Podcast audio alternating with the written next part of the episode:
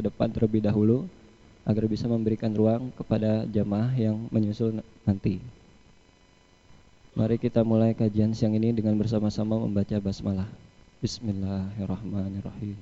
Kepada Ustadz kami persilahkan. Warahmatullahi wabarakatuh. Belum bunyi tadi, saya ulangin. Assalamualaikum warahmatullahi wabarakatuh.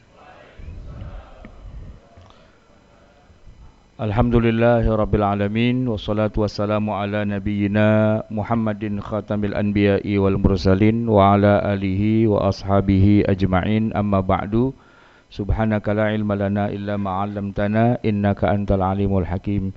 Rabbi shrah li sadri wa yassir li amri wa hlul 'uqdatan min lisani yafqahu qawli. Jamaah yang dirahmati Allah judul atau tema yang akan kita bahas ini terkait dengan masalah diterima atau tidak diterimanya amal.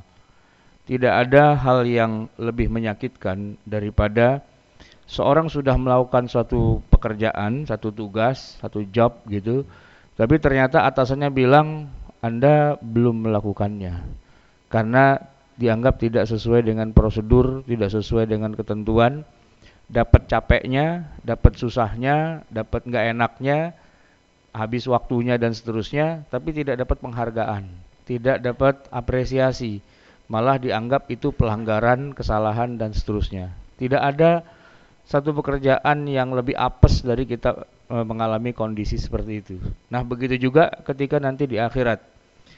Saat kita menghadap Allah Subhanahu wa taala, barrier antara alam dunia dan alam akhirat itu adalah hisab. Nah, tidak ada hal yang lebih mengesalkan dari orang itu ketika dihisap ternyata amalnya nggak ada, dianggap kosong. Padahal dia merasa sudah beramal banyak, sudah sholat, sudah puasa, sudah melakukan banyak aktivitas ibadah. Tapi ternyata dalam catatan amal itu ibadahnya tidak diterima lantaran tidak sah.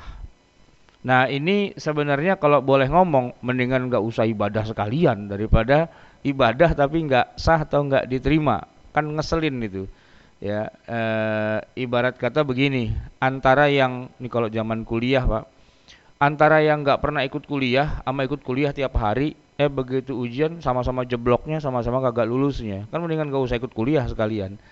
Kira kira-kira seperti itu. Nah sekarang akan kita bahas tentang amal-amal yang memang tidak diterima oleh Allah Subhanahu wa taala dan penyebabnya bukan karena kita misalnya nggak mengerjakan enggak justru karena kita mengerjakan tapi salah atau katakanlah tidak sesuai prosedur sehingga tidak dianggap sebagai sebuah hasil amal yang diterima oleh Allah Subhanahu wa taala. Jadi uh, yang sangat menentukan suatu amal ibadah itu kan niat. Kita akan awali niat ini dengan pengertian di mana Allah Subhanahu wa taala di dalam Al-Qur'an surat Al-Bayyinah ayat 5 itu berfirman, "Wa ma umiru illa liya'budullaha mukhlishina lahuddin." Tidaklah mereka itu diperintah ya kecuali hanya untuk beribadah kepada Allah mukhlishina lahuddin. Nah, kata Imam Al-Mawardi uh, beliau salah satu ulama besar dalam mazhab uh, Syafi'i punya kitab tebal namanya Al-Hawi Al-Kabir. Nah, di dalam kitab Al-Hawi Al-Kabir itu beliau mengatakan bahwa mukhlishina lahuddin itu maksudnya adalah niat itu sendiri. Jadi tidaklah diperintah kita kecuali untuk beribadah dan beribadahnya itu tidak diterima kecuali dengan niat yang benar. Nah, niat yang benar ini jamaah sekalian ada dua macam. Ada niat masalah e, motivasi karena Allah dan yang kedua ada niat yang sifatnya implementasi yaitu niat ibadah apa. Nah, spesifikasi dari ibadahnya ternyata tidak terinstal dengan baik Ibarat kita punya hardware, Pak, udah bagus hardwarenya, tapi tidak ada softwarenya, sehingga hardware itu jadi nggak nggak ngaruh apa-apa, cuman tongkrongannya doang gede, tapi tidak ada software, tidak ada operating system yang membuat dia hardware itu jadi berjalan. Nah, wa ma umiru illa liya'budullaha mukhlishina lahuddin. Mukhlishina lahuddin itu kalau kita terjemahkan secara harfiah itu dengan memurnikan ketaatan kepadanya atau dengan mengikhlaskan dan seterusnya. Tapi Al-Mawardi mengatakan itu maksudnya adalah niat itu sendiri. Sebagaimana juga ketika Rasulullah Shallallahu Alaihi Wasallam bersabda, Innamal a'malu bin niyat wa innama likulli imri'in manawa. Itu adalah hadis yang sahih diriwayatkan oleh Imam Bukhari dan Muslim, Imam Ahmad dan yang lain-lainnya. Hadis yang sudah sangat terkenal. Nah, di dalam hadis itu disebutkan bahwa innamal a'malu bin niyat, sesungguhnya amal itu tergantung dari niatnya.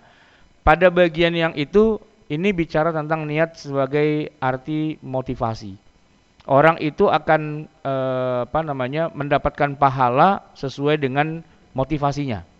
Ya. Tetapi ketika masuk bagian berikutnya wa innama likulli imri'in manawa, nah di sini sudah bukan sekedar motivasi, fungsi dari niat itu. Tapi fungsinya adalah untuk bisa diterimanya amal itu harus sesuai dengan spesifikasi ibadah yang dia lakukan. Nah, walaupun hadis ini bicara tentang motivasi orang berhijrah, yang mana Nabi menyebutkan ada orang hijrah itu motivasinya karena harta, motivasinya karena dunia, motivasinya karena wanita. Nah, maka dia akan mendapatkan semua yang dia inginkan sesuai dengan motivasinya, tetapi dia nggak akan dapat pahala. Nah, sedangkan kalau motivasinya karena Allah dan Rasulnya, di situlah dapat pahala. Jadi kalau saya boleh bikin sebuah uh, pembagian amal itu ada dua macam. Amal ada dua macam. Ada amal secara umum ya, yang mana kita melakukan sesuatu yang sifatnya halal, boleh, tidak dilarang terkait dengan segala yang ada dalam kehidupan kita, itu juga amal dan asalkan niatnya karena Allah, itu adalah ibadah.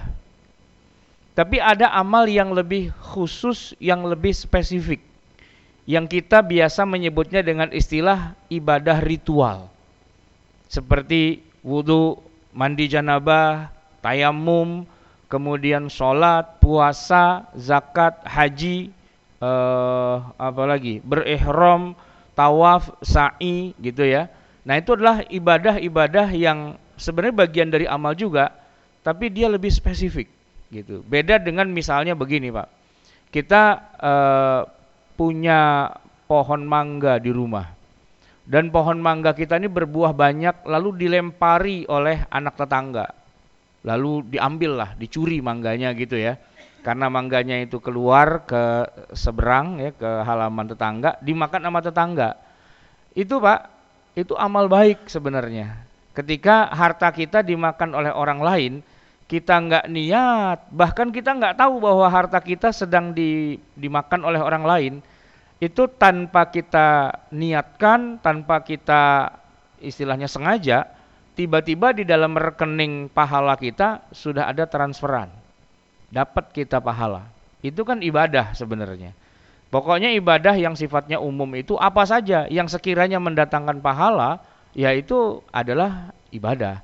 Tapi kita nggak bisa uh, bicara tentang sholat itu hanya dengan cara nggak sengaja tiba-tiba jadi sholat nggak ngeh nggak inget tiba-tiba jadi melakukan ritual ibadah ah, itu nggak bisa kalau sudah masuk ibadah yang lebih spesifik yang lebih khusus maka itu tidak boleh terjadi tanpa niat dan tanpa sengaja. Tanpa niat tanpa sengaja. Kalau amal yang sifatnya umum itu bisa berpahala walaupun tidak kita niatkan. Ya, walaupun tidak kita niatkan, kita senyum, refleks aja sih. Namanya juga sama temen, ya, sama atasan gitu, atau sama istri, kita seneng, kita senyum, lalu dia bahagia, itu langsung melahirkan pahala otomatis. Pahala yang tidak usah pakai diniatkan sebagai sebuah ibadah. Itu. Nah, itu yang saya sebut dengan amal yang sifatnya umum. Umum, ya. Nah, tetapi amal yang sifatnya khusus seperti ritual ibadah yang tadi sudah saya sebut, itu tidak bisa tiba-tiba menjadi sebuah pahala. Kecuali harus dipasang niatnya dulu. Yang mana niatnya itu sebenarnya tidak lain adalah spesifikasi dari ibadah yang kita lakukan. Kalau tidak diniatkan, maka ritual-ritual tadi itu menjadi amalan yang sia-sia yang tidak ada nilainya di sisi Allah walaupun mungkin kita tunggang tungging ruku, tunggang tungging sujud gitu ya. bolak-balik ke kamar mandi, wudhu, mandi janabah, tapi nggak menghasilkan pahala kalau tidak diniatkan. Nah, sehingga di sini ada niat yang lebih spesifik untuk ibadah yang spesifik, ya. Ibadah yang memang ada ada apa? Ada data-data yang detailnya, maka membutuhkan niat yang detail. Nah, kalau tidak dengan niat yang detail, maka itu tidak menjadi suatu ibadah. Saya kasih contoh sederhana begini Rasulullah SAW itu pernah pada suatu pagi uh, beliau datang ke rumah Aisyah, ya rumahnya Rasulullah juga sih. Tapi mungkin beliau tadi malam nginep di mana di istri yang lain, lalu pagi ke rumah Aisyah. Dan nanya apakah ada sarapan yang bisa dihidangkan. Lapar juga barangkali pagi-pagi. Ya kalau cara kita mungkin ya nyari nasi uduk apa nasi ulam gitu ya uh, lontong sayur dan sebagainya. Nah, Nabi nanya sama Aisyah, ada yang bisa dimakan nggak? Aisyah bilang mohon maaf wahai Rasulullah, saya nggak punya makanan. Dari kemarin juga saya udah nggak makan gitu, apalagi hari ini nggak ada makanan sama sekali. Nah itu Rasulullah itu dari awal emang nggak makan, ya. Tapi kemudian begitu beliau mau makan nggak ada makanan. Terus tiba-tiba beliau mengucapkan begini, ya udah kalau gitu saya puasa deh gitu.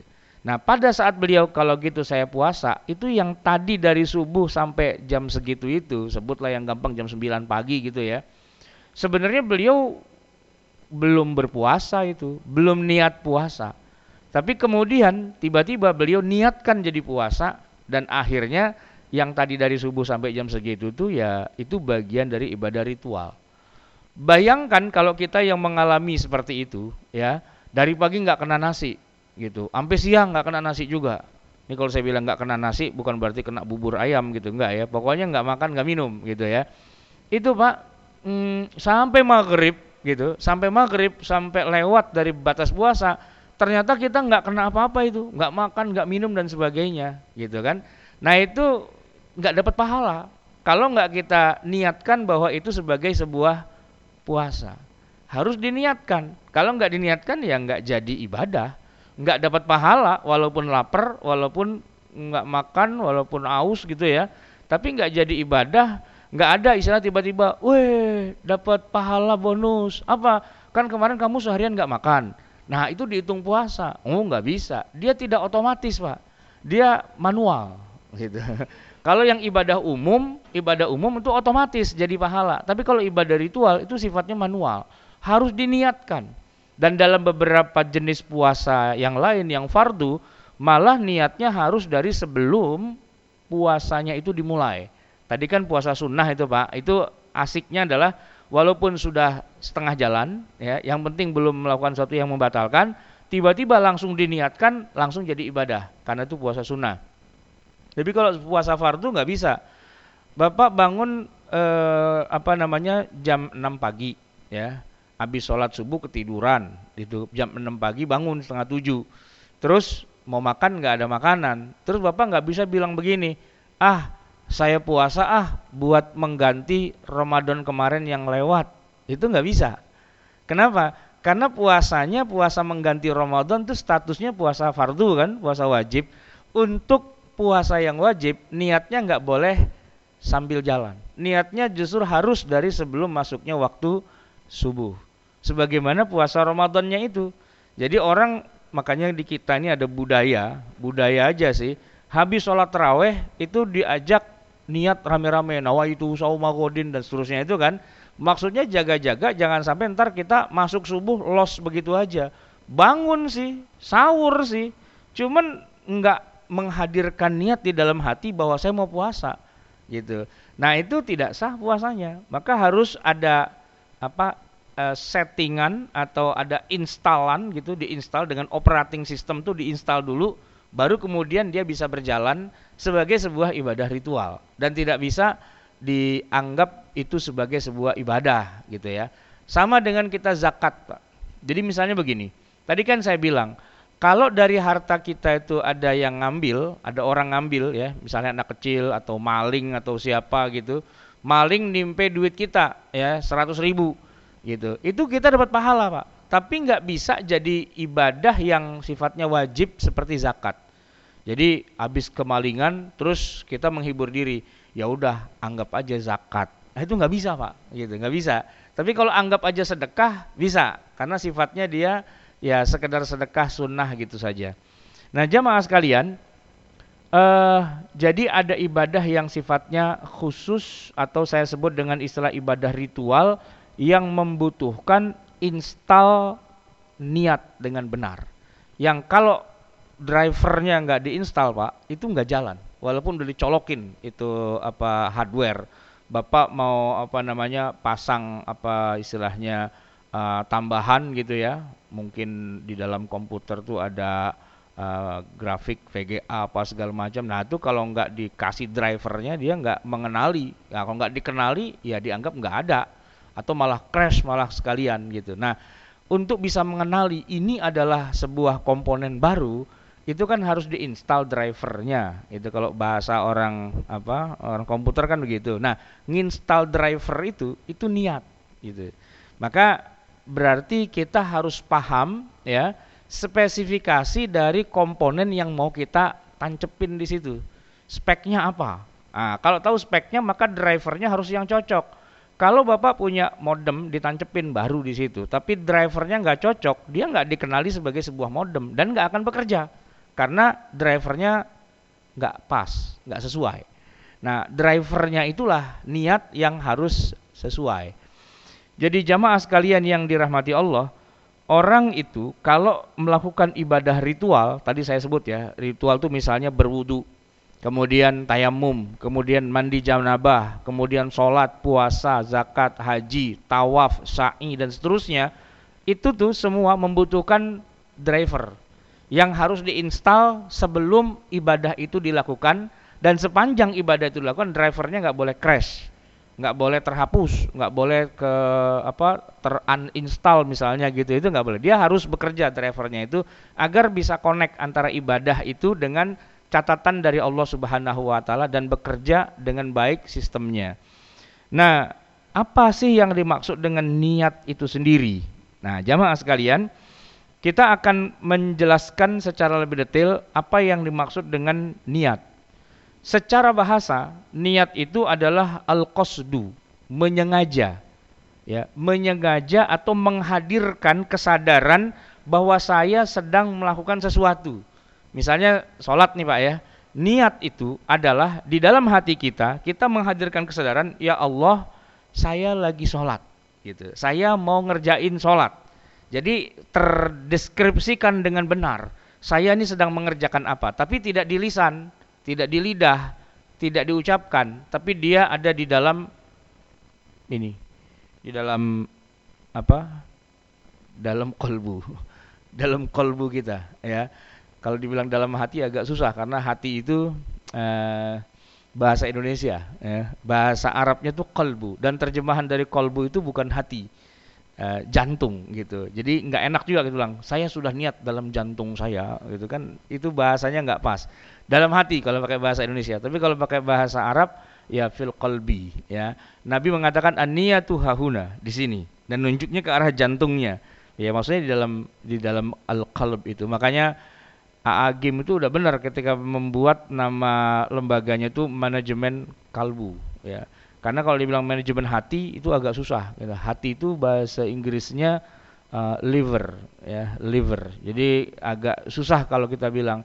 Kalau kita menyatakan dari hati saya yang paling dalam itu kan I say it from my heart gitu kan.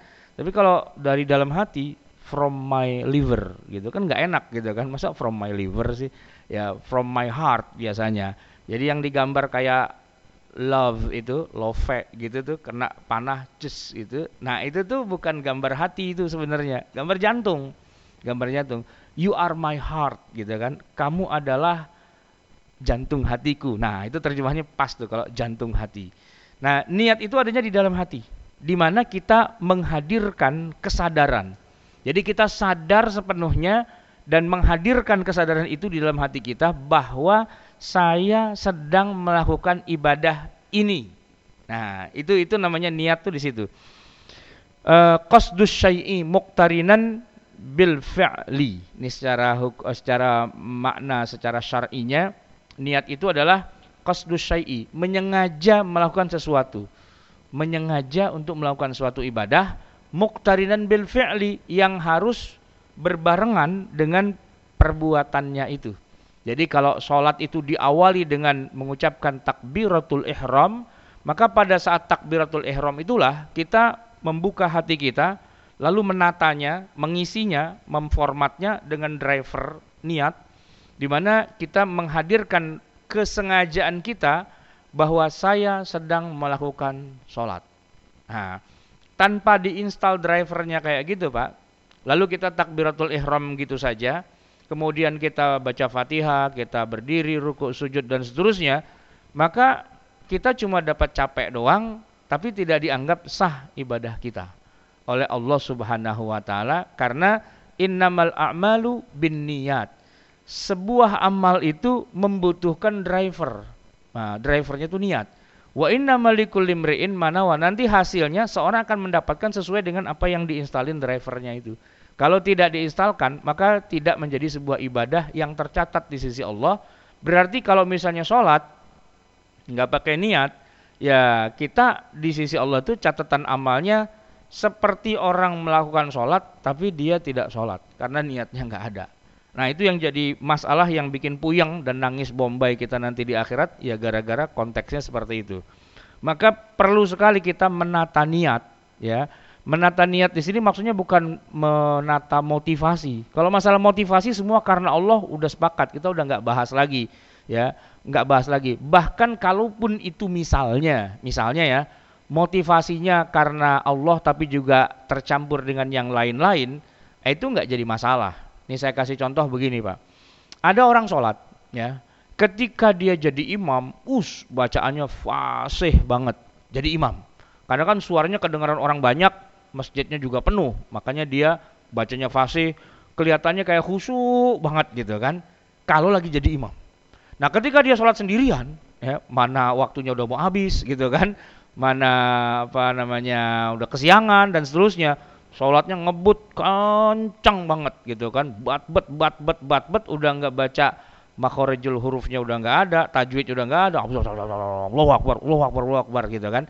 Nah, saya tanya Pak, ketika dia jadi lagi imam, kenapa sholatnya dicakep banget dan ketika dia sholat sendiri sholatnya hancur kayak gitu? Itu karena apa? Karena sikon kan? Karena sikon. Ya kalau depan orang masa saya sholatnya kayak gitu? Saya tanya Pak, itu niatnya bener apa nggak bener? Ah gini gitu, bukan salah, pertanyaan bukan begitu. Niatnya karena Allah, iya. Tapi ada tambahannya nggak? Ya karena mau dilihat orang gitu kan.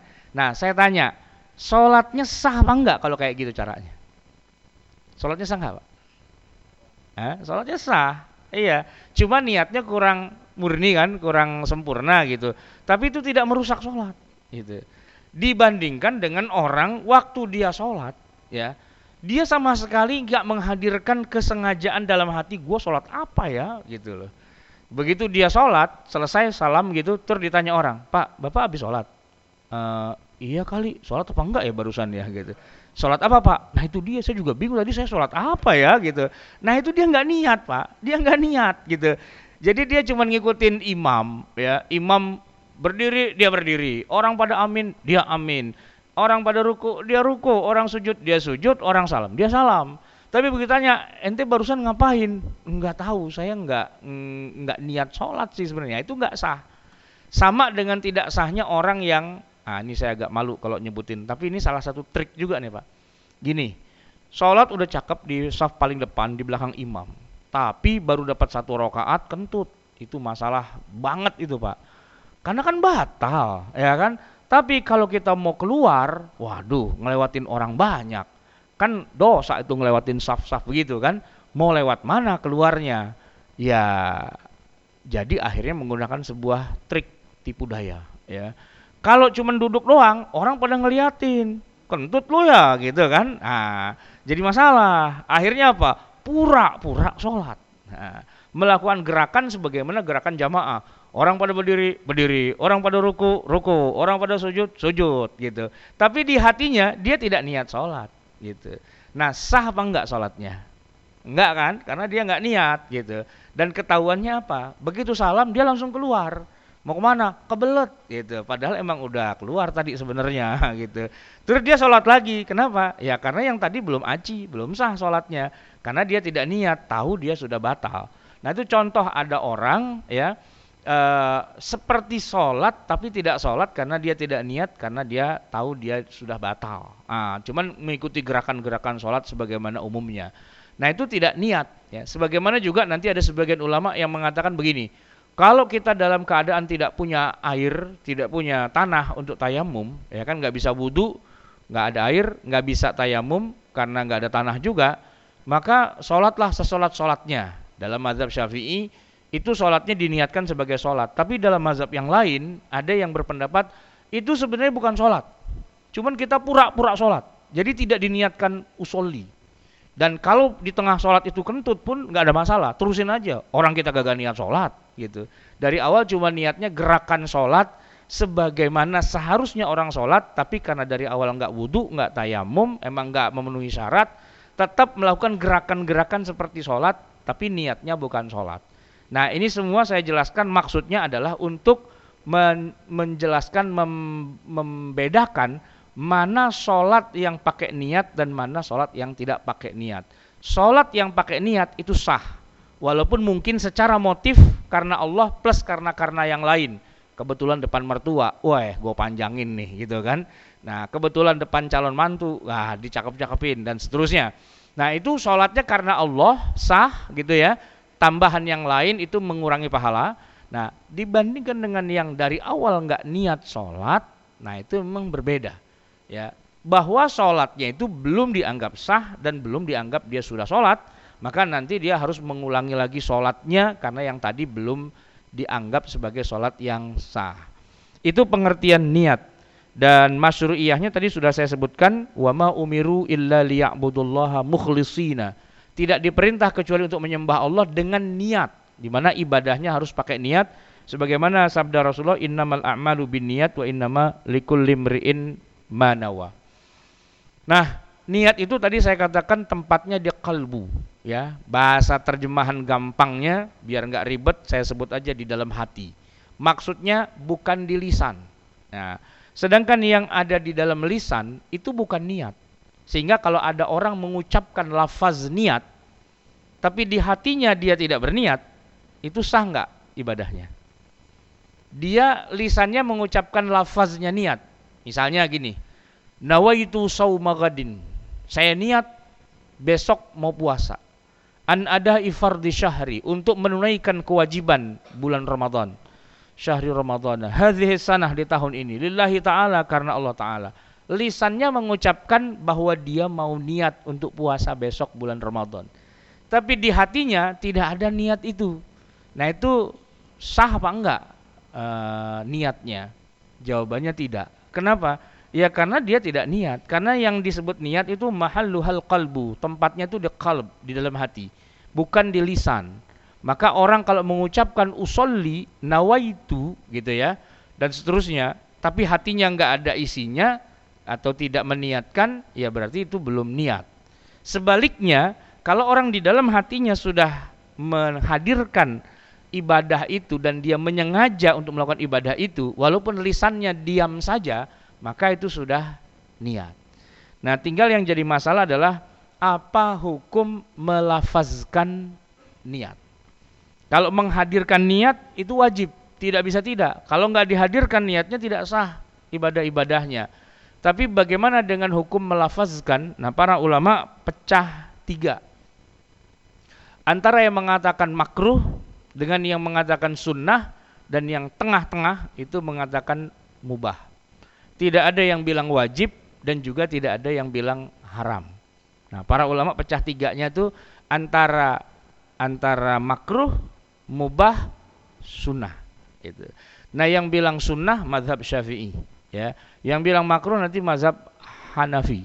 Memakruhkan orang mengucapkan usolli. Nah, mereka nanti berbeda pendapat. Kenapanya itu ya? Mereka berbeda pendapat. Nah, jamaah sekalian, sekarang kita masuk pada poin yang lebih inti lagi. Tadi kan tentang tempatnya niat. Sekarang sebuah niat itu bisa dikatakan niat yang utuh, itu kalau dia punya tiga komponen. Seandainya satu saja dari tiga komponen itu tidak terdapat, tidak ada, tidak eksis, maka niat itu juga belum dianggap niat yang sesungguhnya. Ya, tiga komponen niat ini harus kita hadirkan di dalam hati. Tiga poin itu apa? Yang pertanya, yang pertama adalah nama jenis ibadahnya. Apakah itu nama ibadahnya wudhu, ataukah namanya tayamum, ataukah namanya mandi, ataukah namanya sholat, puasa, zakat, haji, tawaf, sa'i, dan seterusnya. Itu harus spesifik. Ini ibadah. Ibadah apa? Ibadah sholat. Nah, itu komponen nomor satu. Yang kedua, lebih spesifik lagi, karena sholat itu jenisnya banyak. ya karena puasa itu juga banyak jenisnya, maka juga harus ditakyin atau di uh, di apa didefinisikan sholat apa, puasa apa. Nggak bisa cuman ya Allah saya sholat. Nah itu jadi pertanyaan, lu sholat apa? Nah, driver itu nggak bisa cuma berhenti cuman driver gitu doang. Driver apa? Driver modem driver VGA, driver apa kan gitu ya. Jadi driver itu nama ibadahnya. Nah, spesifikasi lebih teknisnya, sholatnya sholat apa? Itu harus ada. Jadi kalau dalam sholat fardu nih yang lima waktu ya, kan ada sholat uh, zuhur, asar, maghrib, isya, subuh. Nah itu harus hadir ya. Komponen yang kedua, yang pertama komponennya namanya nama ibadahnya sholat, yang kedua lebih spesifik sholat apa. Nah yang ketiga ini hukumnya juga harus spesifik. Karena antara puasa fardu dengan puasa sunnah itu anatominya dari awal sudah berbeda. Ya, puasa fardu tidak boleh niatnya kalau sudah subuh, harus sebelum subuh. Tapi kalau puasa sunnah boleh sesudah subuh. Pua, sholat gitu juga pak. Sholat fardu tidak sah kalau tidak menghadap kiblat, kalau tidak berdiri ruku sujud itu ada ketentuannya. Sementara sholat sunnah Nabi dalam hadis yang sahih disebutkan Beberapa kali beliau sholat sunnahnya sambil naik unta. Di atas punggung unta beliau sholat witir. Itu sholat sunnah. Otomatis pak, kita udah kebayang. Di atas punggung unta. Pastinya ontanya lagi jalan pak. Kalau ontanya diem ngapain nangkring di atas uh, punduk onta kan? Turun aja. Ini kenapa beliau sholat di atas onta? Karena ontanya lagi jalan. Dan kalau onta jalan, tidak mungkin ontanya selalu ngadep kiblat. Gitu. Dia kan tujuannya mau ke utara gitu kan. Kiblatnya misalnya di barat Kan nggak mungkin sambil jalan ke utara sambil ngadu kiblat. Emang kata jalannya ming, apa, miring ke kanan? Kan nggak mungkin. Ya jalannya lurus ke depan. Berarti kan nggak ngadep kiblat. Tapi Nabi sholat. Dan nggak mungkin juga Nabi sholatnya sambil miring ngadep kiblat. Gitu. Kenapa? Karena ontak juga bisa belak-belok gitu ya. Dan juga tidak mungkin kalau ontaknya jalan itu Nabi sholatnya sambil berdiri. Nggak mungkin. Bisa jatuh nyungsep itu pak ya kecuali Jackie Chan Jet Li nah mungkin bisa dia emang jago kungfu ya kan tapi kalau Nabi bukan orang jago kungfu jadi kalau beliau sholat di atas unta pastinya duduk nggak mungkin berdiri dan nggak mungkin sujud juga sujud di mana di atas punggung onta sujudnya cara ada bungkuk aja. Rukuknya juga gitu separuh dari sujud bungkuk ya. Kalau rukuk separuh. Kalau sujud banget agak lebih dalam lagi lah begitu kan. Artinya itu rukun-rukunnya tidak berlaku untuk sholat sunnah. Begitu juga harus menghadap kiblat juga nggak berlaku untuk sholat sunnah. Nah maka sholat sunnah dengan sholat fardu itu dua sholat yang sangat beda spesifikasinya dari awal. Oleh karena itu untuk meniatkan sholat fardu ya niatnya harus beda dengan niat sholat sunnah. Nah komponen yang ketiga itu bicara tentang fardu atau sunnah. Oleh karena itu tiga komponen ini menjadi utama. Kalau sampai tidak hadir di dalam hati kita ketika kita lagi melakukan ibadah itu, maka ibadah itu tidak terinstal dengan benar drivernya. Ya, karena tiga komponen pentingnya tidak terpenuhi. Nah, nanti ada komponen-komponen yang lain yang lebih baik itu juga dihadirkan untuk lebih menguatkan instalannya gitu. Mungkin pakai updatean yang terbaru lah gitu. Ini updatean driver yang udah lama nih, yang udah dua tahun yang lalu. Ini ada update yang terbaru gitu misalnya, sehingga dia lebih powerful gitu ya. Engine-nya lebih bisa dioptimalisasi. Misalnya apa? Kalau dalam sholat itu ada menyebutkan di dalam hati itu ini sholatnya berapa rokaat, jumlah rokaatnya. Ya, kemudian ini jadi imam apa jadi makmum apa sendirian. Nah, itu juga menjadi tambahan spesifikasi niat. Walaupun yang penting itu tadi tiga itu. Uh, kemudian uh, yang juga penting dalam sholat itu, ini sholatnya ini pada waktunya atau sudah lewat dari waktunya. Nah itu pak, jadi komponen yang tiga dasar ditambah komponen-komponen yang lain itu jadi banyak narasinya. Jadi kalau niat itu kita narasikan dalam sebuah kalimat dengan bahasa tertulis, bunyinya begini saya sholat, ya, saya sengaja melakukan sholat, sholat apa? Sholat zuhur, gitu kan? Hukumnya apa? Fardu. Itu tiga poin harus kesebut. Lalu berapa rokaat? Empat rokaat. Jadi imam, jadi makmum pas sendirian? Jadi makmum. Gitu. Terus waktunya pada waktunya atau sudah lewat waktunya? Pada waktunya. Ah, itu jadi panjang kalimatnya itu, Pak, ya. Dan itu kalau di bahasa Arab kan berubah menjadi usolli fardal zuhri. Saya sengaja sholat fardu zuhur. Arba'a raka'atin, empat rakaat. Adaan pada waktunya, bukan sudah lewat. Kalau sudah lewat namanya kodaan. Makmuman sebagai makmum. Lillahi ta'ala. Nah, itu motivasi secara umumnya adalah semua karena Allah subhanahu wa ta'ala. Jadi panjang. Nah itu semua yang jadi masalah sulitnya adalah itu semua harus hadir di hati kita pada saat kita sedang mengucapkan takbiratul ihram. Tidak boleh kecepatan, tidak boleh sebelumnya dan tidak boleh sesudahnya. Harus pas pada saat itu. Jadi kita harus memikirkan 6 poin tuh Pak, ya. Sambil Allah 1 2 3 4 5 6 kesebut di dalam batin kita. Dan itu yang bikin sholat jadi sangat-sangat susah di beberapa tempat kita sering melihat ada imam itu kalau takbiratul ihram itu bisa apa gagal-gagal dulu ya. Allah. Wah, nggak jadi. Allah. Wah, nggak jadi, nggak pas gitu kan. Allah, udah yang kelima Allah. Itu padahal makmum udah Allahu Akbar udah begini kan. Imamnya masih us nggak jadi. Wah, imam gocet kita gitu. Nah, jadi jadi itu susah susah banget.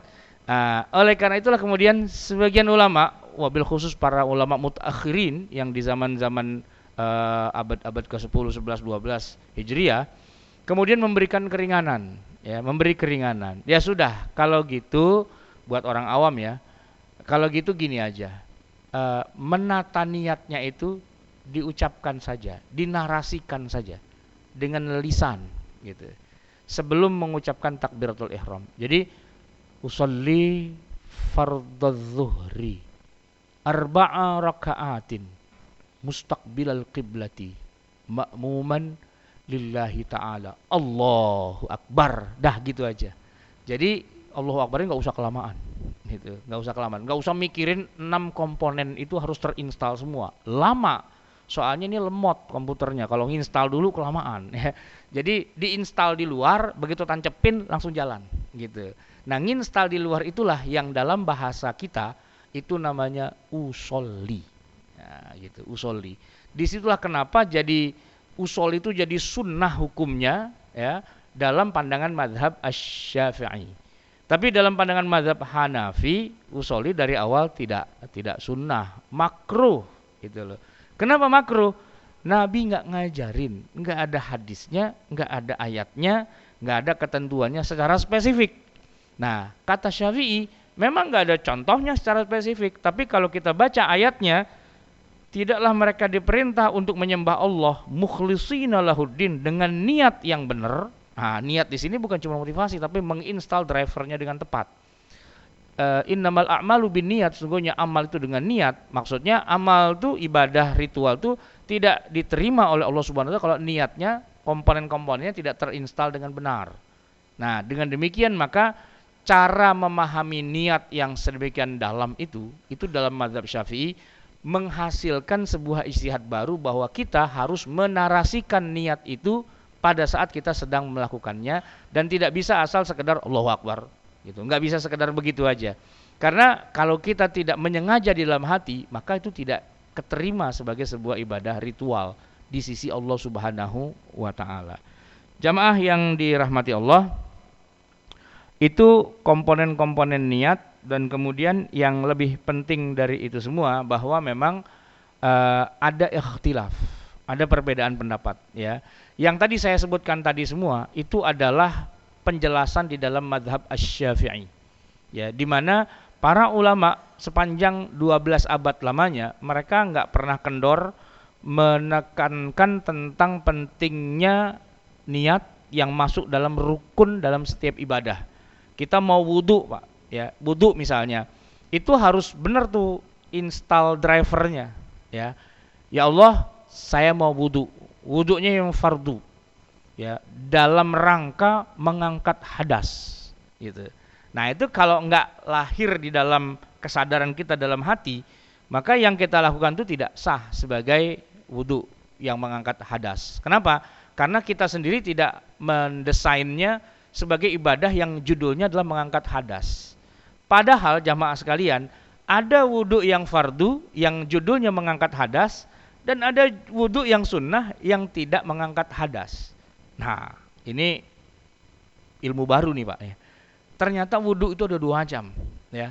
Ada wudhu untuk mengangkat hadas dan ada wudhu untuk tidak mengangkat hadas. Contohnya gimana? Contohnya yang tadi antum lakukan sebelum sholat zuhur pada wudhu, itu wudhu untuk mengangkat hadas. Kalau saya tanya, kenapa wudhu? Ya, saya udah batal. Oh, batal. Berarti wudhu untuk mengangkat hadas kan, biar suci dari hadas. Oke. Tapi kalau sekarang ini Pak, kita habis sholat zuhur berjamaah. Duduk di sini dan insya Allah sih belum melakukan sesuatu yang membatalkan. Belum buang angin, belum tidur, belum menyentuh kemaluan, ya, belum pokoknya yang batal-batalkan itu belum ada. Berarti kan antum masih pada punya wudhu, ya kan? Sekarang kalau antum masih punya wudhu, terus tiba-tiba antum wudhu lagi, itu boleh apa enggak? Orang punya wudhu, terus dia wudhu lagi itu boleh nggak? Boleh kan? Boleh ya? Sah kan? Saya tanya, waktu wudhu lagi itu niatnya mengangkat hadas apa enggak? Hah? Niatnya mengangkat hadas apa enggak? Enggak kan? Enggak, orang hadasnya sudah terangkat kok. Ya, dalam keadaan suci kok. Kita dalam keadaan masih punya wudhu, kalau berwudhu lagi itu, itu judul besarnya bukan mengangkat hadas. Judul besarnya ya untuk ngilangin rasa ngantuk, ya kan? Untuk kesunahan, untuk uh, keberkahan dan sebagainya dan sebagainya gitu kan. Kayak kita lagi dengerin khutbah Jumat nih kebetulan mana eh, ceramahnya panjang gitu ya dan suaranya nggak kedengeran dan nggak bisa ngelawak juga. Ya khutbah kan kalau ngelawak jadi lucu nanti batal pada kan gitu ya. Ngantuk lah kita gitu. Biar nggak ngantuk ya kita disunahkan untuk berwudu. Maka begitu antara khutbah pertama kedua kita keluar gitu. Keluar tuh untuk berwudu. Saya tanya wudunya itu mengangkat hadas apa enggak enggak lah kalau nggak mengangkat hadas buat apa judulnya? Ya buat ngilangin ngantuk gitu. Nah, apakah sah wudhu untuk menghilangkan ngantuk? Sah sebagai sebuah wudhu, namanya wudhu yang sunnah, gitu kan? Nah, oleh karena itu ketika kita niat, niatnya beda antara wudhu yang pertama dengan wudhu yang kedua. Wudhu yang pertama, ya Allah saya wudhu fardu nih dalam rangka mengangkat hadas. Yang kedua, ya Allah saya wudhu nih, tapi ini nggak wajib nih, sunnah doang dalam rangka ngilangin ngantuk ya. Nah, itu dua wudhu yang beda komponen dasarnya dan beda drivernya. Nah, waktu kita niatin, niatnya harus beda, nggak bisa disamain. Itu contoh wudhu. Sholat gitu juga Pak, kan ada sholat yang fardu dan ada sholat yang sunnah. Siapa bilang sholat zuhur itu hanya ada yang wajib? Enggak, sholat zuhur ada juga yang sunnah. Nah, ada yang tahu nggak Pak? Sholat zuhur yang sunnah itu yang kayak gimana? Ya, Sholat zuhur, saya tanya, sholat zuhur itu wajib apa sunnah pak? Tar dulu, ada yang wajib, ada yang sunnah. Wah, tambah bingung nih pak. Sholat zuhur sunnah ada lagi. beli apa dia? Bukan, zuhur. Zuhur kok sunnah? Gimana? Terjadi di masa Rasulullah. Selesai sholat, ya, udah selesai, ada sahabat datang. Nah, dia mau sholat, sama Nabi ditanya, mau ngapain? Mau sholat ya Rasulullah. Bukannya udah selesai kita sholat Iya, tapi tadi saya nggak datang, ada urusan di rumah saya baru mau sholat sekarang. Oh, ya sudah sholat, tapi sebentar kata Nabi. Dia tanya kepada sahabat yang masih ada di situ, siapa yang mau sedekah sama orang itu? Sedekah gimana ya Rasul? Temani dia sholat. Lah kan kita udah sholat, ya nggak apa-apa ente sholat lagi aja temenin dia. Oh gitu, nanti saya dapat pahala. Ya itu dia sedekah namanya. Ya kan, dah sholat kan dia berdua. Nah, sholatnya sahabat yang kedua kalinya itu wajib nggak sih? Enggak, itu sunnah. Sholat apa? Sholat zuhur. Sholat zuhur yang sunnah adalah sholat zuhurnya udah selesai, tapi dia sholat lagi. Itu sunnah. Nah, drivernya itu beda pak. Gitu. Ketika sholat zuhur yang fardu, drivernya berbunyi gitu kan. Ya Allah, saya sholat zuhur fardu. Gitu. Tapi ketika sholat lagi, ya Allah, saya sholat zuhur sunnah. Ah, drivernya beda, tidak bisa disamakan karena itu e, spesifikasi barangnya itu udah beda. Maka drivernya, install niatnya juga harus berbeda. Nah, contoh yang lain adalah tayamum. Tayamum, Pak. Saya tanya, orang kalau mau sholat nggak ada air kan disuruh tayamum, ya. Saya tanya, ketika kita tayamum, itu hadas kita terangkat apa enggak? Orang tayamum hadasnya terangkat. Kalau orang wudhu pak, begitu wudhu hadasnya terangkat. Jadi dia sudah suci dari hadas gara-gara dia wudhu gitu kan. Mandi janabah, dia mandi hadas besarnya terangkat, yang otomatis hadas kecilnya terangkat juga. Nah, kalau tayamum, orang tayamum itu hadasnya terangkat apa enggak? Nah, ada dua pendapat. Pendapat madhab Asy-Syafi'i mengatakan bahwa tayamum itu sekedar membolehkan sholat tetapi tidak mengangkat hadas.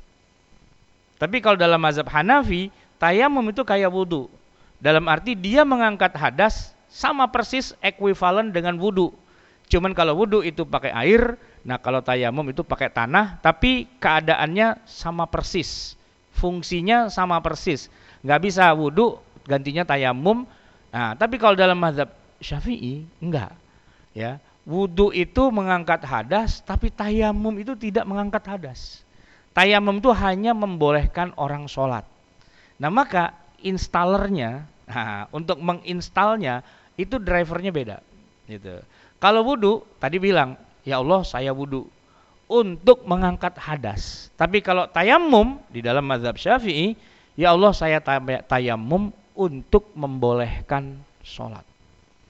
Bukan li raf'il hadasi, tapi listibahatis sholati, untuk membolehkan sholat. Satu kali sholat fardu dalam satu waktu. Yang mana nih zuhur kita tayamum nih Pak ya. Kemudian nanti asar masih nggak ada air juga, terpaksanya tayamum harus tayamum lagi walaupun belum batal. Maghrib walaupun belum batal tetap harus tayamum lagi, Isya mesti tayamum lagi dan setiap kali waktu sholat harus tayamum lagi, tayamum lagi, tayamum lagi karena tayamum itu hanya membolehkan sekali waktu sholat dalam pandangan mazhab Syafi'i. Tapi kalau dalam pandangan mazhab Hanafi enggak, tayamum itu seperti juga wudhu selama enggak batal-batal semua waktu sholat itu dia dalam keadaan suci dari hadas. Baik jamaah sekalian yang dirahmati Allah, saya akan akhiri dan sebelumnya mungkin ada pertanyaan dari jamaah atau hal yang mungkin kurang jelas, silakan ditanyakan. Iya, Fadol. Assalamualaikum warahmatullahi wabarakatuh. Uh, ada dua pertanyaan. Pertama terkait uh, tadi kondisi yang saya jadi berpikir gitu ya. Kondisi ketika uh, sholat tengah berjamaah terus batal, uh, malah jadi sebaiknya. Apakah memang kalau kita ngelewatin kan ngelewatin nggak boleh? Iya. Harus nunggu duduk. Tapi kita hmm. uh, malu juga jemaah. Gitu. Cengsin gitu. juga kalau kelihatan ya, sama orang ya. Ketinggalan satu jemaah. Iya. uh, apakah kita tetap lewat aja atau -hmm. tunggu aja situ duduk gitu atau misalkan pilih sholat gitu sebaiknya. Ya itu ada tiga pilihan. Antum merasa lebih nyaman yang mana? Kalau uh, keluar dari jamaah, resikonya adalah ngelewatin orang lagi sholat dalam mazhab Syafi'i ngelewatin orang sholat nggak boleh. Tapi kalau dalam mazhab Hambali dan sebagainya, yang nggak boleh dilewatin kalau orang sholat sendirian. Tapi kalau dalam saf nggak apa-apa dilewatin. Gitu. Itu pandangan dalam mazhab Hambali itu begitu. Atau kalau dalam mazhab Syafi'i yang nggak boleh ya kan ngelewatin depan saf. Tapi kalau di salah-salah orang yang baris ditembus di tengah-tengahnya begitu, langsung diterobos ke belakang, itu tidak melewati orang sholat, tapi ngajakin berantem gitu. ngajakin berantem. Ya kan orang udah rapat tiba-tiba dia jadi begini kan, nah, begini kan ngajakin berantem itu. Nah jadi emang itu emang serba salah. Saya kalau disuruh milih begitu mendingan gak usah kentut gitu aja gitu loh. Iya kan? Nah atau kalau dia duduk di situ aja dia nggak ke mana-mana cengsin juga orang pada ngeliatin lu ngapain lu duduk di situ kentut ya gitu kan orang udah curiga maka yang paling rada aman itu adalah pura-pura sholat gitu walaupun udah berat brut berat brut tetap aja orang ruku kita ruku orang apa apa gitu ah, gitu nah itu ya me, apa meninggal menghilangkan kecurigaan orang gitu. Biar hanya kita dan Allah saja yang tahu apa yang sedang terjadi ya kan gitu. Orang lain tidak men, eh, tidak curiga apa-apa dan seterusnya gitu. Kira-kira seperti itu. Uh, memang masalahnya begini juga. Di kita masjid itu rata-rata uh, kelas ekonomi. Ya, jadi nggak ada jalanannya. Hmm, tapi kalau kita lagi ada di Masjidil Haram di Mekah, di Masjid Nabawi di Madinah, nah itu rata-rata semua masjid itu uh, kelas bisnis VIP.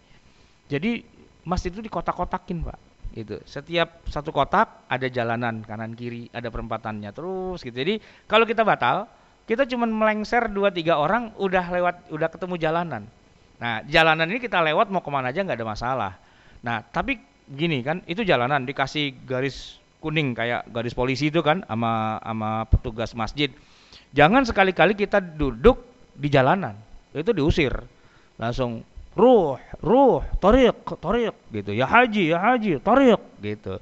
Itu maksudnya haji jangan duduk di sini, ini jalanan gitu. Orang Indonesia nggak tahu, dia emang namanya tarik, belum haji. Begitu dia duduk, ya haji, ya tarik, tarik gitu kan. Wih, kenal gua dia tuh. nah, itu di Masjidil Haram saya lihat teknisnya cakep banget kalau bisa kita pakai di sini. Cuman di sini rata-rata desainer masjid nggak ada yang mau bikin jalanan di dalam saf-safnya itu takutnya nanti safnya nggak nyambung dong Wah, kalau bilang nggak nyambung dari dulu Masjidil Haram kagak nyambung gitu karena ada jalanannya itu jalanan yang menuju ke ke arah kiblat dan juga jalanan yang gini. Jadi dia kotak-kotak kalau lihat dari atas tuh kayak tahu gitu. Ya jadi orang kalau batal di sini dia tinggal keluar ngikutin jalanan keluar itu los jalannya. Malah sepi karena orang lagi pada sholat semua. Khususnya kalau lagi pada sujud kita tinggal loncat aja keluar ke jalan itu dan itu broadband itu kosong gitu. Nggak ada nggak ada lalu lintas pada saat lagi sholat itu. Nah kalau di kita di Indonesia istiqlal aja. Kalau kita sholatnya di soft paling depan dan di tengah-tengah begitu kentut waduh repot itu maka kita harus menggunakan trik pura-pura sholat akhirnya kan gitu yang paling aman nah, gitu ya memang antum pertanyaannya lucu juga sih Oke, okay, ada lagi. Satu lagi, Iya. Jadi uh, yang kedua itu terkait sholat tadi zuhur sunnah hmm, sama hmm. wajib ya.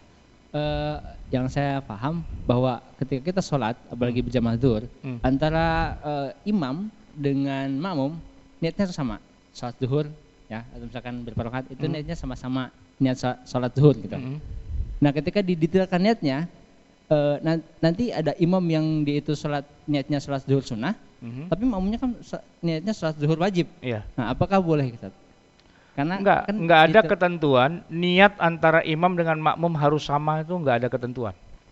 Jadi boleh-boleh saja, misalnya nih ya, kita sholat zuhur kan udah nih, terus kita ba'diyah. Lagi ba'diyah, kan ba'diyah dua rakaat kan? Eh tiba-tiba ada yang coel. Ah, dia pasti niatnya bukan ba'diyah. Kalau ba'diyah juga nggak bisa jamaah kan? Dia pasti niatnya sholat zuhur. Nah itu boleh nggak? Ada imam dengan makmum men sana in corpore sano. Imamnya ke sana, makmumnya ke sono. Itu bisa nggak? Nah, itu bisa dalam mazhab Syafi'i, nggak ngaruh gitu. Dan dalam hal ini si imam tidak harus merubah niatnya menjadi sholat zuhur. Enggak. Misalnya nih Pak, kita ba'diyahnya maghrib. Maghrib kan kalau kita sholat berjamaah kan harus jahar. Nah kita lagi ba'diyah. Ba'diyah kan nggak jahar, sir. Tiba-tiba dicoel dari belakang gitu. Terus yang jual bilang, kok nggak keras suaranya gitu. Kita bilang, ih orang gue lagi ba'diyah pakai keras segala. Eh, sesuaikan dengan kami dong, kan kami lagi jamaah nih di belakang anda. Anda berubah jadi maghrib dong. Kagak orang gue maghrib udah orang gue lagi ba'diyah, ba'diyah aja salah sendiri lu kenapa ngikut-ngikut gua gitu kan. Nah, jadi imam tetap dengan niatnya yang semula dan makmum ya kalau mau jadi makmumnya ya monggo-monggo aja. Uh, itu nggak ada masalah ya. Cuma satu aja masalahnya tidak boleh uh, kalau gerakan dasarnya beda. Nah itu nggak boleh. Misalnya imamnya sholat jenazah, makmumnya sholat uh, zuhur, itu nggak bisa. Gitu, ya kan? Main cowel aja, ya kan? Woi, kok kagak ruku-ruku? Ya, lu kagak lihat ada jenazah di depan, gitu kan? Nah, itu nggak bisa, makanya jangan main asal coel aja pak, sembarangan itu. Nah, nggak bisa. Atau misalnya yang nggak boleh kalau imamnya banyakkan rokaatnya daripada makmum. Makmumnya musafir, sholatnya kosor cuma dua. Nah, imamnya kan bukan musafir, dia kan empat imam tahiyat awal bangun eh makmum assalamualaikum warahmatullah. Lah kenapa makmum bisa duluan? Nah itu nggak boleh juga gitu.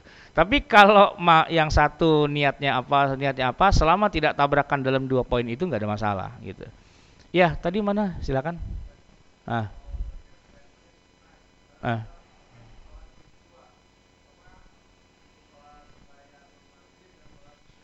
Hmm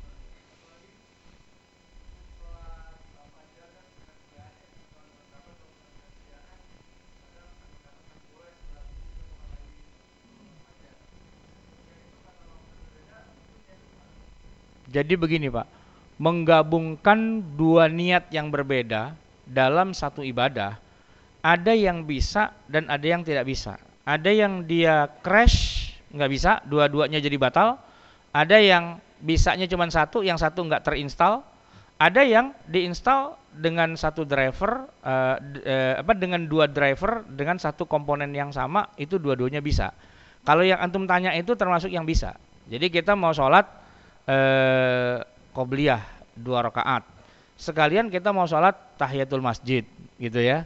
Nah untuk kasus yang itu, yang itu, itu bisa gitu. Jadi kita niatkan saya mau sholat sunnah qobliyah zuhur dua rakaat sekalian dibanding sama sama sholat tahiyatul masjid. Itu bisa gitu. Nah, tapi dalam kasus yang lain crash nggak bisa dua-duanya saya niat sholat zuhur sekalian asar sekalian isya. Itu nggak bisa. Nggak ada yang sah salah satunya. Itu nggak bisa gitu. Jadi ya jadi nanti ada anunya ada apa ada uh, ketentuannya ya ada listnya untuk oh, ini bisa ini nggak bisa ini bisa ini nggak bisa itu banyak. Dan nanti para ulama punya versi-versi yang berbeda. Tapi khusus yang antum tanya itu itu kebetulan pas yang bisanya Jangan bilang begini, wah itu aja bisa, yang lain juga bisa dong. Enggak, enggak. Itu nanti yang lain ada ada ada SOP-nya sendiri-sendiri masing-masing gitu. Uh, uh, yang pertanyaan yang kedua uh, benar. Jadi sholat qobliyah uh, subuh ya, qobliyah subuh itu boleh di apa diganti atau dikodok sesudah sholat subuh itu boleh gitu ya tinggal masalahnya di kita nih yang rada rancu istilahnya istilahnya adalah sholat subuh apa sholat fajar. Itu selalu ditanyain orang Ustaz sholat fajar tuh yang mana sih? Sholat subuh yang mana? Saya bilang begini kalau di Indonesia itu tidak ada sholat fajar adanya sholat subuh. Gitu. Sementara orang Saudi Arabia belum pernah mereka sholat subuh. Mereka selalu sholatnya fajar. Gitu loh. Jadi kalau nonton di TV yang uh, Masjidil Haram itu kan ada siaran langsung itu nggak pernah tulisannya itu di running textnya atau di apa di bumpernya itu tulisannya siaran langsung sholat subuh. Nggak pernah. Masjidil Haram tidak pernah menyelenggarakan sholat subuh sejak dulu sampai sekarang. Yang ada sholatul fajr. Gitu. Maksudnya iya sholatul fajr tuh ya sholat subuh cuman nyebutinnya aja yang beda. Di kita subuh di mereka nyebutnya fajar Nah, hadisnya kadang-kadang nyebut subuh, kadang-kadang nyebut fajar. Emang hadis juga sih ini gara-garanya. Jadi kita jadi pada keliangan itu, puyang ini subuh apa fajar tuh apa sih? Ya subuh itu ditandai dengan terbitnya fajar. Oleh karena itu, kadang-kadang disebut istilahnya salatul fajar. Salat fajar tuh ada yang sunnah, ada qobliyah fajar. Yang di kita itu menjadi qobliyah subuh. Itu itu juga. Ya, jangan ribet ini kayak nama kue ya. Bika Ambon dari Medan tapi belinya di Jakarta gitu kan. Ini kue Ambon apa kue Medan apa kue Jakarta sih? Ini nggak jelas ini ya kan. Gara-gara salah penyebutan. Sama di Indonesia itu ada martabak Mesir tapi anak saya ke Mesir udah setahun dia nyari martabak di sana kagak ada. Martabak Mesir kagak ada. Sebagaimana juga di Tegal itu nggak ada warung Tegal itu. Di Padang nggak ada warung Padang gitu kan. Ini cuma cara penyebutan aja. Ya ternyata di Tegal semua warungnya warung Tegal. Makanya karena semua warung udah Tegal nggak pakai nama Tegal lagi gitu kan Ya kalau ini penemuan ternyata di Tegal tidak pernah ada warung Tegal. Iya emang benar karena mereka tidak menyebutnya sebagai warung Tegal. Ya warung aja gitu kan. Nah kira-kira seperti itu. Sholatul fajar dengan sholatul subah itu itu juga di Indonesia penyebutannya yang populer subuh. Ya, tapi di Saudi Arabia penyebutan yang populernya adalah fajar, di mana fajar dan subuh ya ya dia dia juga huwa huwa nafsu syai nggak ada bedanya, cuman cara penyebutannya. Jadi kalau di kita ini sholat qobliyah subuh, di Saudi disebutnya sholat sunnah fajar. Gitu kan. Kalau di sini sebutnya sholat subuh, nah di sana sholat fajar gitu. Tapi yang jelas dibandingkan dengan orang Indonesia, orang Saudi subuhnya selalu kesiangan dibandingkan dengan orang Indonesia. Kita sholat subuh di sini jam setengah jam 4 lewat seperempat lah sekarang misalnya kan, atau jam 4 lewat 20. Nah orang Saudi nanti baru sholat jam 8 siang gitu waktu Indonesia. Tapi waktu Saudi emang waktu lagi fajar di sana kan berarti mereka kesiangan dari kita kan duluan kita selalu. Ah, ada lagi?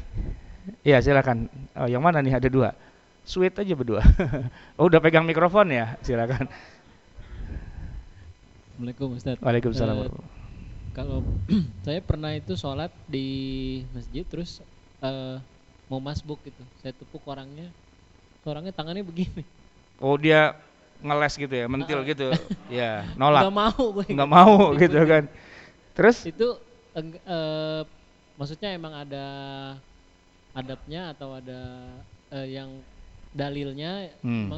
kita untuk menolak sebagai imam. Gitu. Pada saat waktu ditolak tuh terus antum gimana reaksinya? Kaget juga. Kaget juga ya. Uh. Bukan nyari imam nih.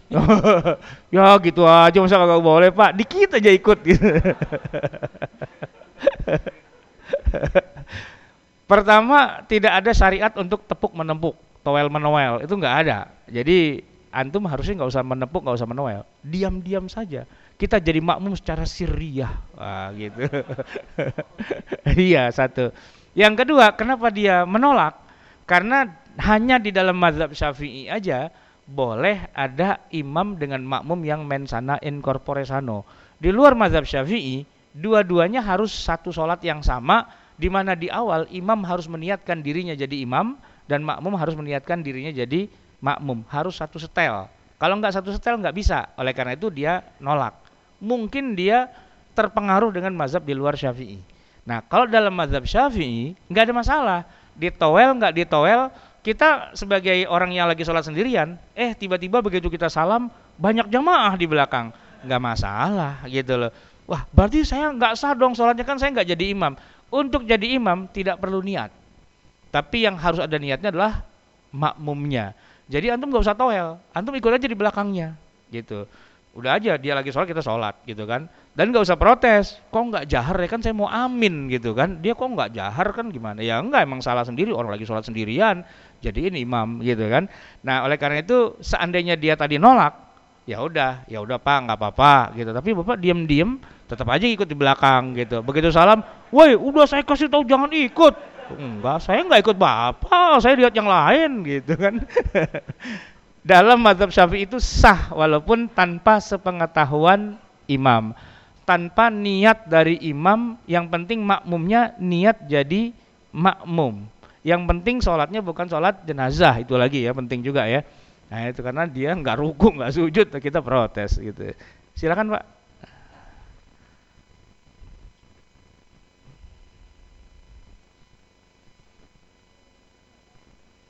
Ya. Kalau pas uh, jalan perjalanan mm -hmm. saat maghrib mm -hmm. bisa boleh nggak uh, sholat tapi sholat maghribnya itu uh, menghormati waktu gitu. Mm -hmm. Karena tidak tahu apakah nanti sampai di rumah itu atau di eh, di tempat uh, sholat terdekat itu apakah akan sampai masih masuk di waktu maghrib atau sudah lewat isya gitu. Hmm, iya, iya atau saat itu langsung aja sholat maghrib tapi tidak ngulang lagi. Kalau yang dimaksudkan niat menghormati waktu sholat maghrib nanti dia sampai kalau misalnya sebelum maghrib ya berarti dia ulang lagi tapi sholat maghrib. Tapi kalau enggak sampai maghrib atau lewat ke isya dia menjadi jamak. Bagaimana Ustaz? Uh, gini Pak. Harus diklarifikasi dulu nih. Ini sholat maghrib uh, dalam perjalanan dalam kota atau luar kota? Oh dalam kota. Kalau dalam kota kan bapak nggak bisa menjamak ya, tidak boleh menjamak karena jaraknya tidak memenuhi syarat. Harus ada jarak gitu. Empat mazhab sepakat harus ada jarak minimal uh, untuk bisa dibolehkannya menjamak. Nah, berarti karena bapak bilang ini adalah sholat yang maghrib yang di dalam kota, uh, maka memang kita sudah keluar dari istilah jamak, tidak menjamak. Nah, pertanyaannya begini, begitu masuk waktu maghrib dan kita di dalam kota, kan kita naik kendaraan baik itu pribadi atau umum dan sebagainya. Apakah memang tidak bisa turun untuk sholat? Pertanyaannya itu dulu gitu loh. Kalau bisa turun berarti wajib turun untuk sholat gitu. Nah pertanyaannya kenapa jadi nggak bisa turun? Sebabnya apa kira-kira? Misalnya uh, uh, crowded, hujan besar, banjir, macet, nggak bergerak Senin sore uh, dari sebelum maghrib udah berhenti sampai jam 9 masih di situ-situ juga misalnya gitu ya. Saking macetnya crowded dan sebagainya. Dan kita nggak bisa keluar karena uh, kalau kita keluar cari masjid di mana nggak nggak ketahuan gitulah istilahnya. Nah dalam keadaan itu ya kita tadi sholat mengerjakan sholat lihormatil waktu sholat lihormatil waktu itu maksudnya sholat yang tidak memenuhi syarat dan rukun tidak wudhu, tidak tayamum, tidak berdiri, tidak menghadap kiblat, tidak ruku, tidak sujud. Ya sholatnya menghadap setir mobil gitu. Dan apa yang bisa dibaca dibaca apa yang bisa digerakkan digerakkan tapi kalau nanti sholat seperti itu rekamannya diputar di depan kita di depan malaikat pada saat uh, yaumil hisab itu sama malaikat dilihat gitu sholat kita kayak gitu tuh dia lihat gitu sholat apaan kayak gini Wah itu kita nangis bombay pak. Waduh, nggak diterima sholat kayak gitu. Ya iyalah, kan udah tahu sholat itu harus menghadap kiblat, harus ini, harus ini. Kenapa anda sholatnya cuma kayak gitu? Nah saat itu kan kita bilang, ya habis kita nggak bisa sholat yang benar, nggak bisa keluar, nggak bisa ini, nggak bisa itu dan sebagainya, gitu kan? Wah itu jadi urusan pak, jadi urusan di akhirat. Paling tidak kita harus berkali-kali dipanggil lagi, dipanggil lagi, dipanggil pengadilan kan nggak enak gitu kan? Nah, para ulama kemudian membuatkan solusi sederhana. Gini aja, kalau nanti kita sudah keluar dari kemacetan yang nggak jelas itu, baik masih ada waktu maghrib ataupun sudah lewat waktu maghribnya, kita ulangi aja. Nah, kalau masih ada waktu maghribnya, namanya i'adah gitu. Tapi kalau waktu maghribnya sudah habis, istilahnya doang sih, i'adah yang sifatnya kodok karena waktunya sudah lewat. Tetap kita lakukan sholat yang tadi sehingga begitu malaikat bilang sholat apaan kayak gini, kita bilang malaikat sabar dulu, coba dikebet berikutnya. Nah itu udah saya kasih gantinya gitu kan. Dilihat, dilihat, dilihat. Ya udah kalau gitu sorga lurus kanan. Ah kan enak pak gitu loh. Gitu. Jadi sholat lihormatil waktu itu sholat yang kita nggak bisa melakukannya karena memang nggak mungkin, nggak mungkin. Dan contoh yang paling realnya kalau di luar kota itu naik pesawat pak itu sholat subuh. Sholat subuh kan ya kan terbang misalnya sebelum subuh jam 4 gitu kan. Nyampe jam 7 pagi misalnya. Itu kan subuhnya udah nggak ketahuan di mana. Kan subuh nggak bisa dijamak jamak aja. Mau jamak ke mana? Ke isya. Nggak nyambung subuh sama isya. Ke zuhur nggak nyambung juga. Ya dia sholat yang sendirian itu. Dan kita nggak bisa bilang sama pilot pilot mohon maaf nih bisa nggak kita cari musola terdekat? Nggak bisa gitu loh. Orang kita lagi terbang gitu. Terus kita sholat kan sholat sesolat sholatnya. Nggak bisa ngadep kiblat nggak bisa berdiri nggak bisa ruku nggak bisa sujud. Kalau masih bisa harus dikerjakan. Kalau masih bisa. Nah tapi kalau udah nggak bisa sama sekali ya apa boleh buat? Sholatlah sesolat sholatnya. Nah begitu udah mendarat jam 8 ya kita sholat lagi. Sholat apa? Ya sholat subuh berapa rakaat? Ya dua rakaat Nah, yang tadi yang tadi sholat cuman ya sholat sesolat sholatnya takutnya nanti di akhirat digebrak mejanya kita sama malaikat kan kita jadi nangis bombay itu. Ya kita tinggal kebet aja tuh malaikat. Udah ada gantinya gitu. Oh ya sudah aman. Jadi diganti pak. Di istilahnya mau disebut iadah boleh mau disebut kodok juga boleh atau sebutnya iadatan wakodoan itu nggak apa-apa juga. Yang penting jangan sampai absen dan dianggap itu belum sholat. Itu yang bikin kita jadi uh, uh, sakit perut nanti di akhirat. Susah tuh sakit perut gitu nyari WC-nya di mana kan nggak enak itu di perengutin sama malaikat tuh udah nggak enak banget pak. Gara-gara sholat kita nggak berbentuk kayak gitu kan? Cukup ya? Kita tutup sama-sama dengan bacaan hamdalah. Alhamdulillahirabbil alamin. Subhanakallahumma wa bihamdika. Nasyhadu an la ilaha illa anta. Nastaghfiruka wa natubu ilaik. Assalamualaikum warahmatullahi wabarakatuh